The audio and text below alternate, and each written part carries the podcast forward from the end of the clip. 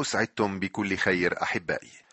أدعوكم حتى تصبح عادة عندنا أن نجتمع في نفس هذه الساعة من الاثنين إلى الجمعة.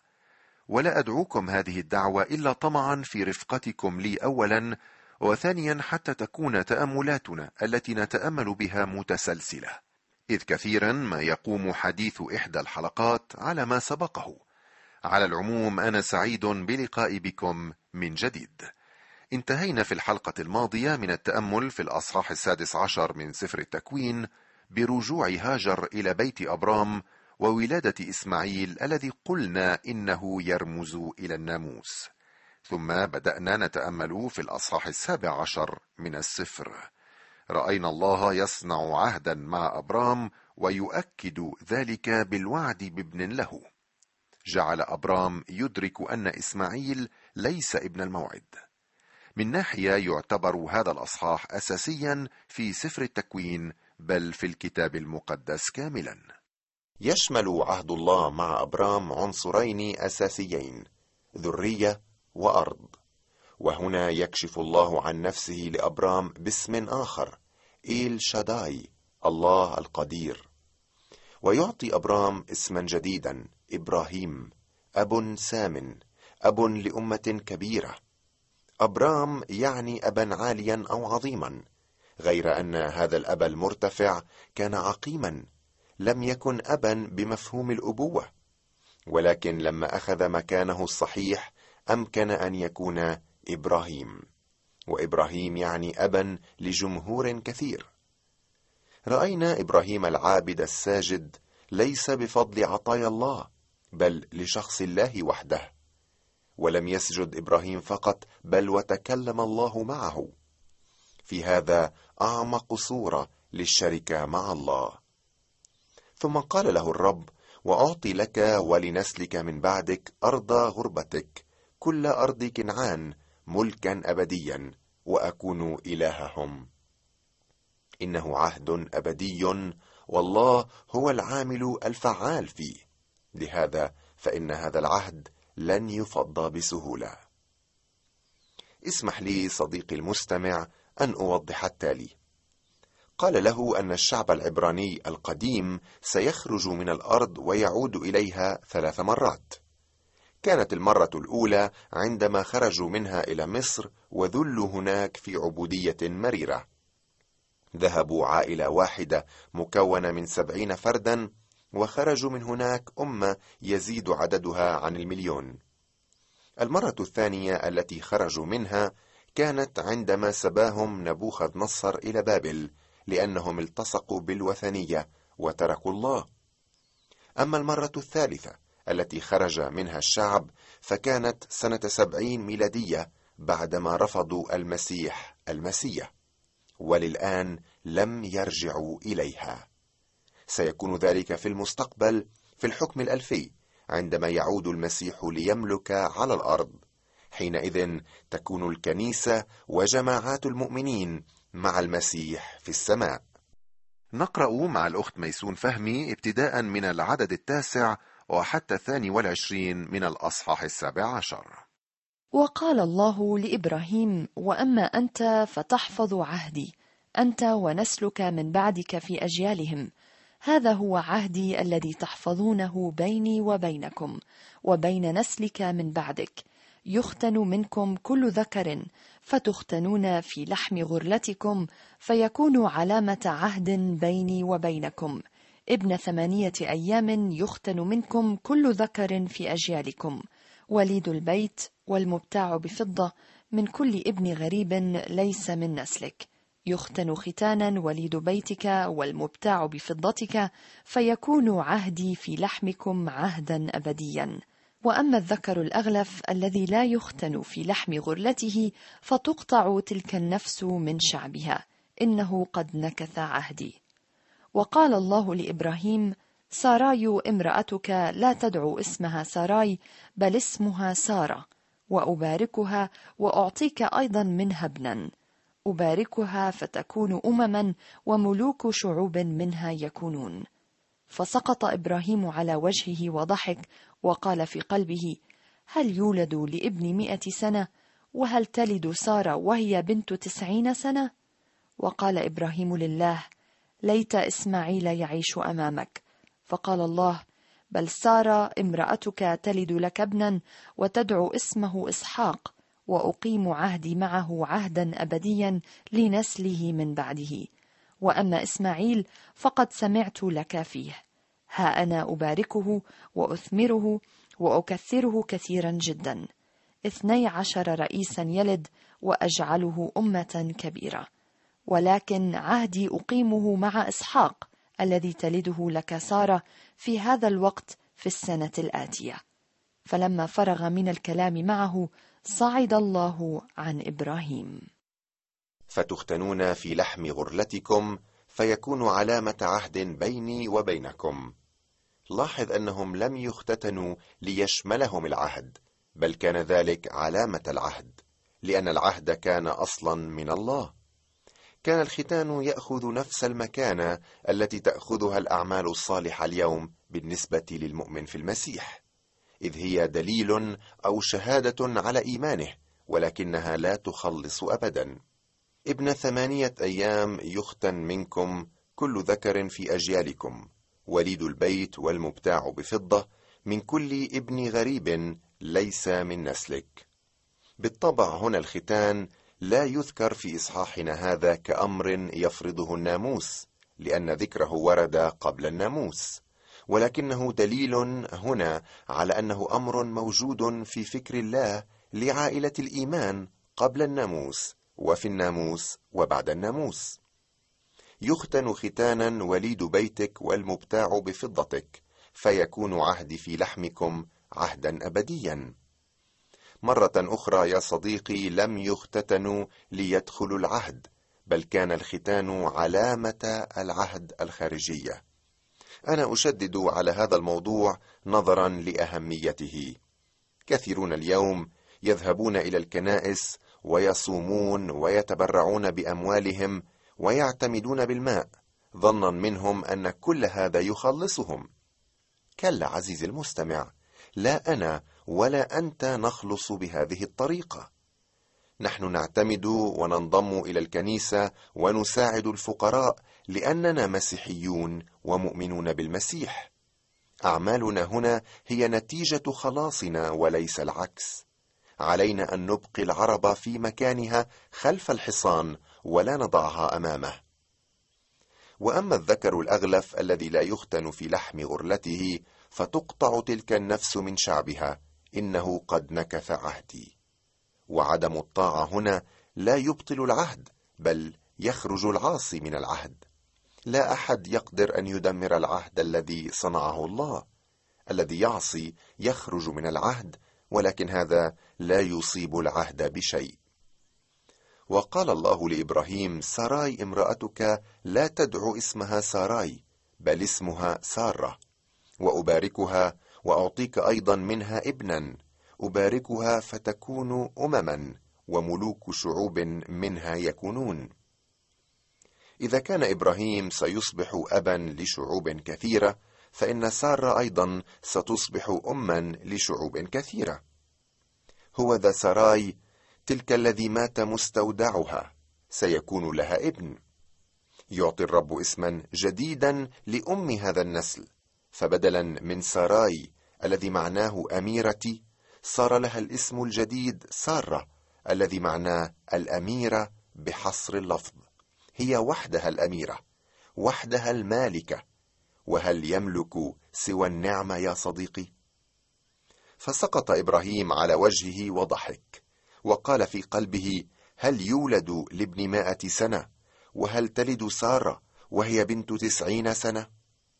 ضحك إبراهيم ولكن ليس هي ضحكة عدم الإيمان. بل ضحكة الفرح بأن شيئا كهذا سيحدث له. هذا يحصل معنا كثيرا عندما يفعل الله شيئا رائعا في حياتنا. فإننا نشعر بأننا نريد أن نضحك. هل سبق ولاحظت كيف يصف بولس ذلك؟ كما هو مكتوب إني قد جعلتك ابا لأمم كثيرة أمام الله الذي آمن به الذي يحيي الموتى ويدعو الأشياء غير الموجودة كأنها موجودة فهو على خلاف الرجاء آمن على الرجاء لكي يصير أبا لأمم كثيرة كما قيل هكذا يكون نسلك وإذ لم يكن ضعيفا في الإيمان لم يعتبر جسده وهو قد صار مماتا إذ كان ابن نحو مائة سنة ولا مماتية مستودع سارة ولا بعدم إيمان ارتاب في وعد الله بل تقوى بالإيمان معطيا مجدا لله وتيقن أن ما وعد به هو قادر أن يفعله أيضا لذلك أيضا حسب له برا. آمن إبراهيم بالله واندهش من صلاح الله ولطفه. وفجأة تخطر على باله فكرة ماذا سيحل بابنه الحالي إسماعيل؟ وقال إبراهيم لله ليت إسماعيل يعيش أمامك. صاحب المواعيد العظيمة وهدف الإحسانات المتعاقبة نراه يبدي عاطفة نحو ابن الجارية. لابد وإن إبراهيم كان متعلقا بإسماعيل. كان عمره أربعة عشر ربيعا عندما أطلقه ولا أعتقد أنه رآه مرة أخرى. وهذا أحزن قلب إبراهيم أبيه. وكأن إبراهيم يقول لله إذا كنت قد أعطيتني اسما جديدا وأعطيت امرأتي اسما جديدا وها أنت توشك أن تعطيني منها ابنا فليت إسماعيل يساهم في هذا العهد. ولكن نتيجة الخطية لا بد أن تظهر. لا تضلوا الله لا يشمخ عليه فإن الذي يزرعه الإنسان إياه يحصد أيضا. ابن الموعد ابن الحرة هو الذي معه يثبت الله عهده. فقال الله بل سار امرأتك تلد لك ابنا وتدعو اسمه إسحاق وأقيم عهدي معه عهدا ابديا لنسله من بعده. وكأن الله يقول لن أقبل ابنا سوى إسحاق. وأما إسماعيل يقول الرب ولأجل خاطرك يا إبراهيم فقد سمعت لك فيه. وها أنا أباركه وأثمره وأكثره كثيرا جدا. اثني عشر رئيسا يلد وأجعله أمة كبيرة. ولكن عهدي أقيمه مع إسحاق الذي تلده لك سارة في هذا الوقت في السنة الآتية. هذه وعود الله وسيتممها حتما. فلما فرغ من الكلام معه صعد الله عن إبراهيم. وكأني بالله يقول لإبراهيم كفاك لا تعد تكلمني في الأمر لقد تم القرار. هكذا الحال بالنسبة لنا يا صديقي. هناك أوقات ينبغي أن نسكت فيها ولا نطلب من الله. أحيانا تكون الإجابة نفيا ونحن نستمر بإلحاحنا غير الضروري. وهنا أصر الله أن يقيم عهده مع إسحاق وليس مع إسماعيل. لذلك كان على إبراهيم أن يقبل بدون مناقشة. والآن إلى الفقرة الأخيرة من الأصحاح السابع عشر.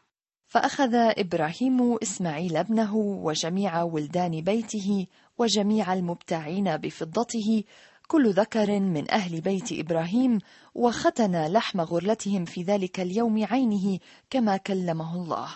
وكان إبراهيم ابن تسع وتسعين سنة حين ختن في لحم غرلته. وكان إسماعيل ابنه ابن ثلاث عشرة سنة حين ختن في لحم غرلته في ذلك اليوم عينه ختن إبراهيم وإسماعيل ابنه. وكل رجال بيته ولدان البيت والمبتاعين بالفضة من ابن الغريب ختنوا معه. الختان كما قلنا هو علامة العهد الذي صنعه الله مع إبراهيم. وقد ختن إسماعيل أيضا لأنه مشمول ببركة الله ولكن ابن العهد والوعد هو إسحاق. سنبدأ الآن دراستنا في الأصحاح الثامن عشر من التكوين. لن تفهم مستمعي الهدف من وجود الأصحاحين الثامن عشر والتاسع عشر من التكوين إلا إذا قرأت العهد الجديد. فهما يبدوان منفصلين عن قصة إبراهيم. هنا نرى تدمير سدوم وعمورة. والأصحاح الثامن عشر مطول قليلا فيه يحكي الله لإبراهيم عن تدمير سدوم وعمورة وإبراهيم يتشفع عند الله لهاتين المدينتين. وهذه صورة عن الحياة أو حياة الشركة المباركة مع الله. أما فيما يتعلق بلوط في سدوم وعمورة فيمكننا أن نصف حياته بأنها مخزية وغير مباركة. واليوم توجد هاتان الفئتان من الناس بين المسيحيين. منهم من يعيش حياة مباركة ومنهم من يحيا حياة مشينة. من جعل من حياته حطاما وخرج عن دائرة إرادة الله. طبعا هذا الأخير لم يفقد خلاصه لكنه فقد بركات عظيمة. كما قال عنه بولس سيخلص ولكن كما بنار. مرة أخرى يظهر الرب لإبراهيم ولكن بملامح أخرى إذ هنا تتوارى سمات الجلال والرهبة التي يتصف بها الحضور الإلهي تاركا لعبده أن يميز بقلبه المتدرب من هو الذي يزوره في صورة إنسان. سترى مستمعي أن الرب نفسه هو الذي يقوم بالزيارة يصاحبه اثنان يتوافق مظهرهما مع مظهر البساطة والألفة الذي ارتضاه الرب. أرجو يا ميسون أن تقرأ لنا الآيات الثماني الأولى من الأصحاح الثامن عشر. وظهر له الرب عند بلوطات ممرة وهو جالس في باب الخيمة وقت حر النهار. فرفع عينيه ونظر وإذا ثلاثة رجال واقفون لديه. فلما نظر ركض لاستقبالهم من باب الخيمة وسجد إلى الأرض وقال يا سيد إن كنت قد وجدت نعمة في عينيك فلا تتجاوز عبدك. ليؤخذ قليل ماء واغسلوا أرجلكم واتكئوا تحت الشجرة. فأخذ كسرة خبز فتسندون قلوبكم ثم تجتازون لأنكم قد مررتم على عبدكم. فقالوا هكذا تفعل كما تكلمت. فأسرع إبراهيم إلى الخيمة إلى سارة وقال أسرعي بثلاث كيلات دقيقا سميذا اعجني واصنعي خبز ملة. ثم ركض إبراهيم إلى البقر وأخذ عجلا رخصا وجيدا وأعطاه للغلام فأسرع ليعمله. ثم أخذ زبدا ولبنا والعجل الذي عمله ووضعها قدامهم وإذ كان هو واقفا لديهم تحت الشجرة أكلوا. وظهر له الرب عند بلوطات ممرة وهو جالس في باب الخيمة وقت حر النهار. إنه إبراهيم. إبراهيم الذي كان يسكن في ممرة أي الدسم. كان شبعانا بدسم الشركة الشخصية وهناك التقى به الرب ليزيده دسما. فرفع عينيه ونظر وإذا ثلاثة رجال واقفون لديه فلما نظر ركض لاستقبالهم من باب الخيمة وسجد إلى الأرض. هنا يأخذ الرب مظهر إنسان. لاحظ مستمعي كم كان إبراهيم مضيافا وكريما وشجاعا فقد كان ماثورا عنه كرم الضيافة التي لها مكافأة تمتد إلى جميع الذين يستضيفون من يبدو عليهم سمات الغرباء بينما هم في الواقع يستضيفون ملائكة وهم لا يدرون. ولا شك أن نعمة الله هي التي غرست عادة الكرم في قلب إبراهيم. يبدو للوهلة الأولى أن إبراهيم لم يعرف ضيوفه غير أنه أدرك الهيبة الإلهية لواحد من الرجال الثلاثة ووجه كلامه إليه.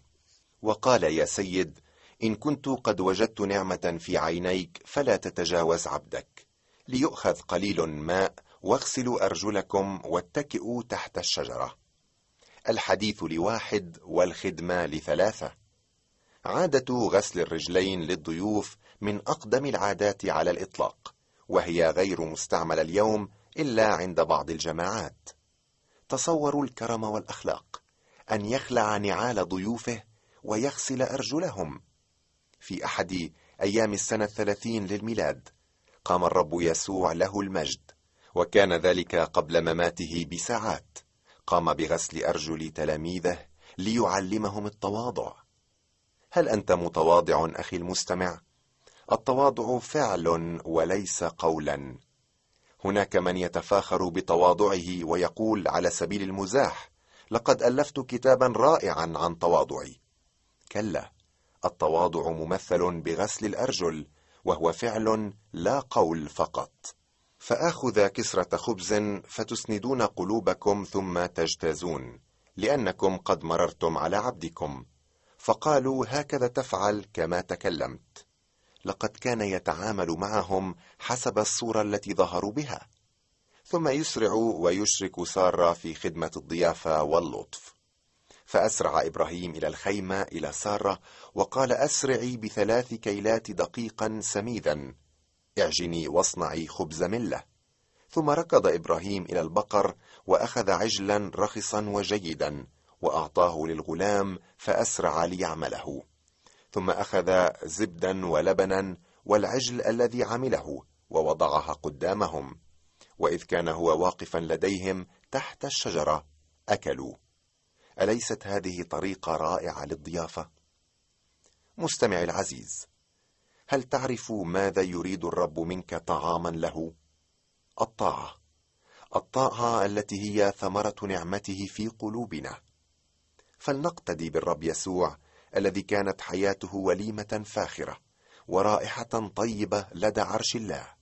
فمن المذود إلى الصليب كان يعمل رضا الآب ومسرته بلا انقطاع. أرجو أن يجد الرب عندك وليمة الطاعة كما وجدها عند إبراهيم وتناول الطعام في خيمة نزيل بلوطات ممرة. لابد لي أن أتوقف عند هذا الحد مستمعي الكريم. سأكون بانتظارك في الحلقة القادمة لنستمع إلى الحوار الذي دار بين إبراهيم والضيوف السماويين. فإلى اللقاء.